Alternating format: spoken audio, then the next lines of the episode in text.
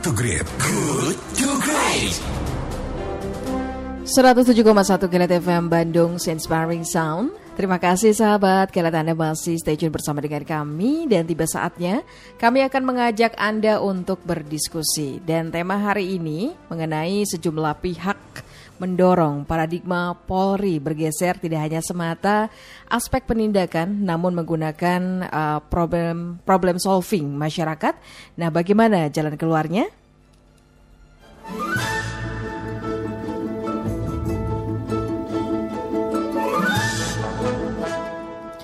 Sejumlah kalangan mendorong paradigma Polri bergeser tidak hanya semata aspek penindakan, namun menggunakan problem solving masyarakat. Menurut komisaris, uh, komisaris maksud kami Jenderal Purnawirawan Polisi Dr. Anang Iskandar, selama ini penindakan dengan wajah angkernya tidak dapat dihindarkan dari Polisi Republik Indonesia. Karena tugas penindakan uh, menegakkan hukum bagian dari tugas pokok Polri, sehingga masyarakat yang merasakan dan berbentuk persepsi kuat akan hal itu. Dengan uh, dengan tidak adanya tugas penyelidikan dan penyelidikan di tingkat polsek, wajah Polri akan lebih humanis karena Polri di tingkat polsek akan menampilkan tugas-tugas yang bersifat problem solving sebagai pelindung, pengayom, dan pelayan masyarakat. Tugas polsek masih seabrek uh, meskipun tanpa penyelidikan dan penyidikan di mana selama ini justru terabaikan, yaitu tugas-tugas yang bersifat melindungi, mengayomi, dan melayani masyarakat. Sudah waktunya Polri memiliki etalase wajah kepolisian humanis pada tingkat Polsek sebagai ujung tombak organisasi Polri. Sebelumnya, Komisi uh, Kepolisian Nasional atau Kompolnas mengusulkan kepada Presiden Joko Widodo agar kepolisian tingkat sektor atau Polsek tidak lagi melakukan penyelidikan dan penyidikan. Polsek diminta membangun ketertiban dan pengayoman masyarakat. Nah, untuk diskusi kali ini kami akan menghadirkan narasumber yaitu Ibu Pungki Indarti, Komisioner Kompolnas atau Komisi Kepolisian Nasional.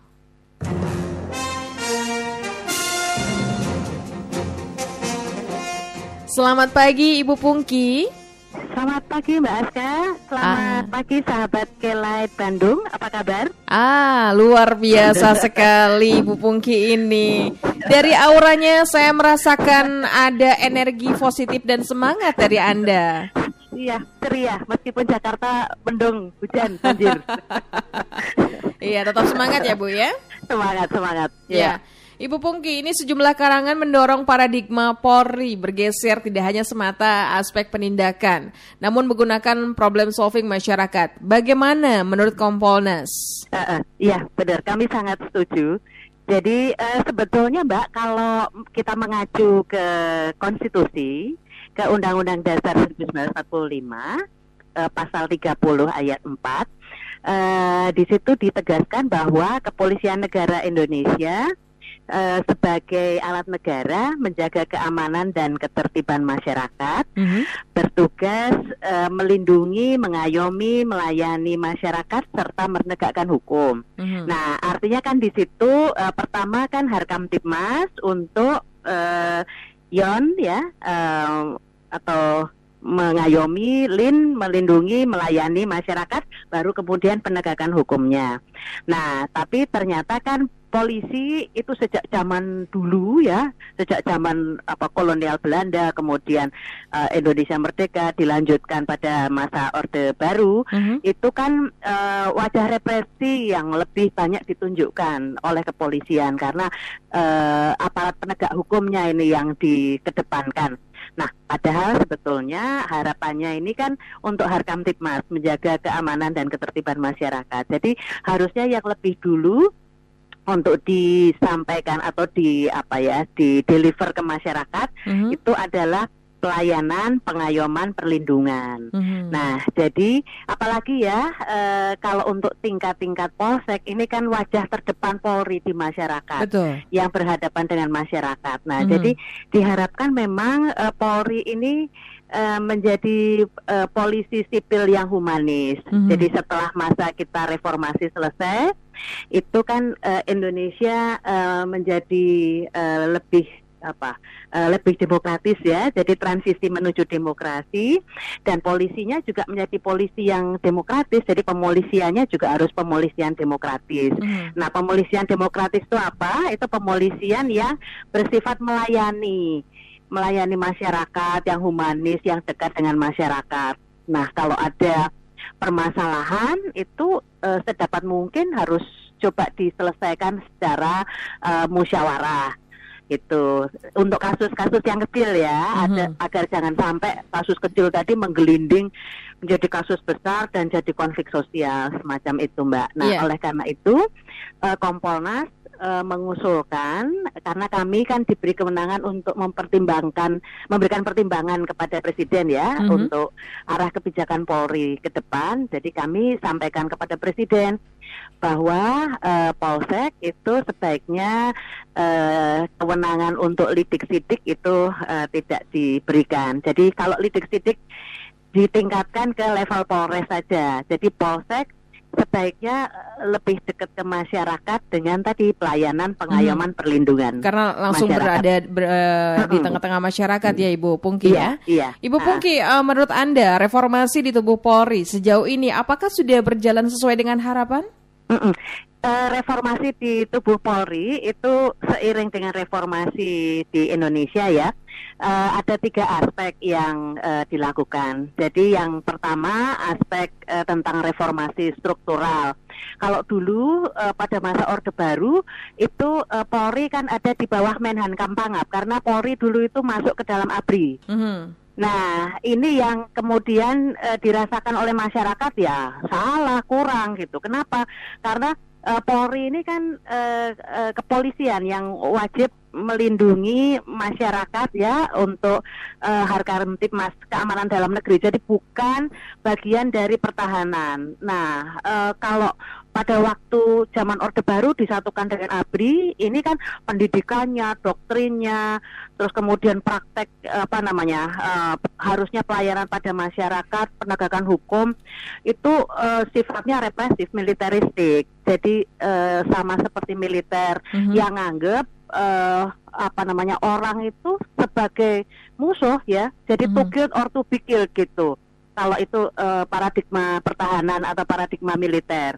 Nah, kalau polisi itu uh, sebagai aparat penegak hukum, sebagai uh, pelayan pengayom pelindung masyarakat, mm-hmm. uh, kalau ada orang yang melakukan kejahatan, ya mesti harus apa namanya uh, ditindak, tapi untuk pemulihan gitu. Jadi bukan untuk uh, ditembak atau dimatikan gitu ya, mm-hmm. nah, seperti itu. Nah, uh, oleh karena itu uh, dengan adanya reformasi Polri uh, aspeknya tadi itu aspek pertama aspek struktural uh, diubah. Jadi tidak lagi di bawah uh, Menhan Kampangap melainkan di bawah presiden. Karena pemerintahan sipil kan tertinggi presiden.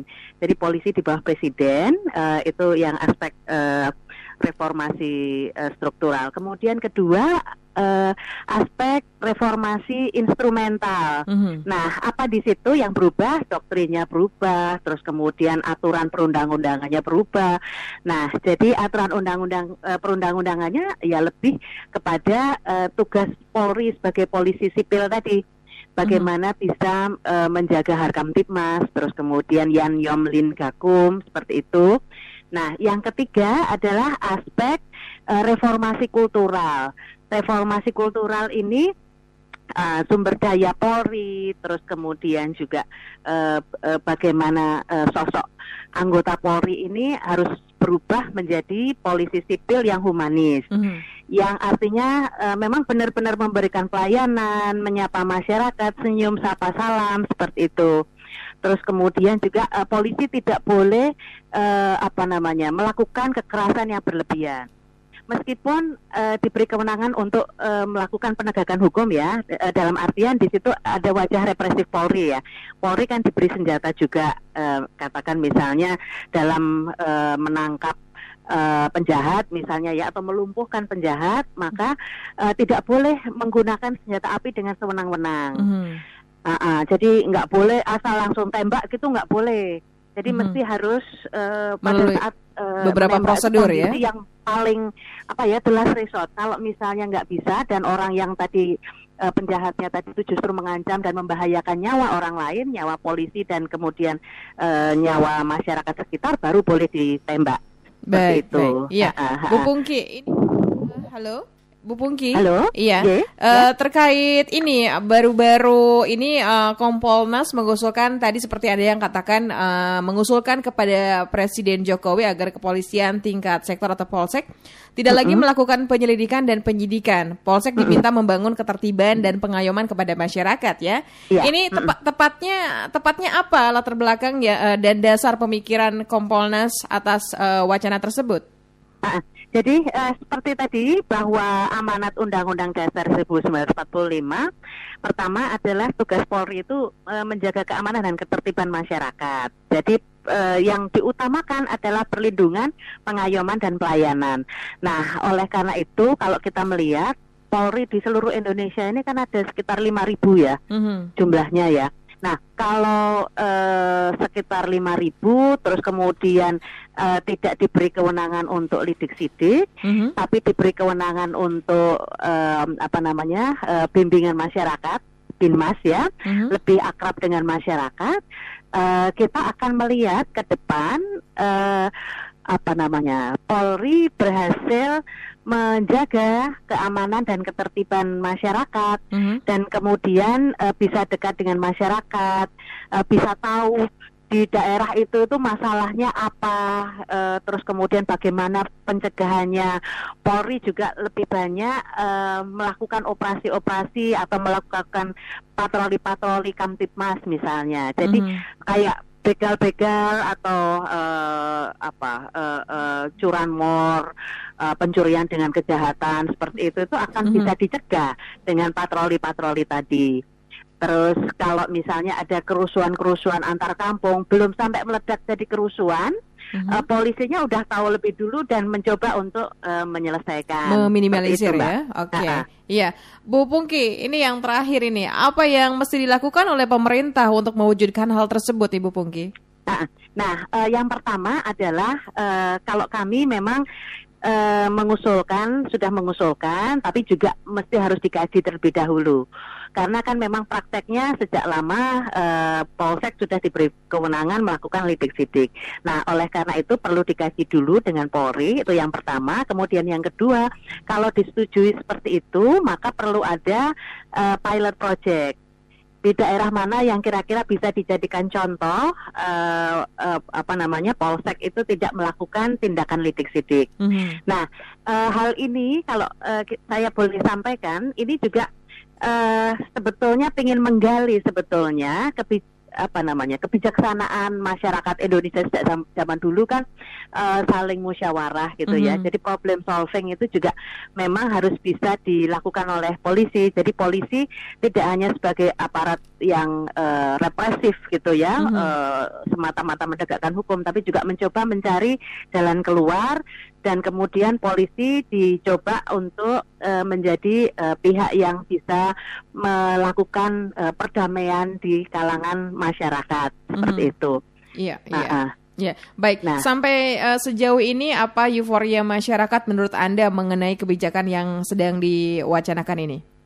Uh, uh, ya memang saya melihat masih ada yang uh, pro dan kontra. Tetapi mm -hmm. kalau uh, kita memikirkan dengan sungguh-sungguh, misalnya kalau dalam satu hari satu polsek itu menerima uh, lima kasus, terus kemudian lima kasus itu tidak ditangani dengan baik oleh polsek, maka yang uh, marah adalah lima tadi, lima orang yang lapor tadi uh, dengan keluarganya. Katakan misalnya keluarganya ada lima juga, maka 25 orang udah marah pada Polri. Mm-hmm. Terus kemudian uh, keluarga yang marah tadi akan cerita pada yang lain.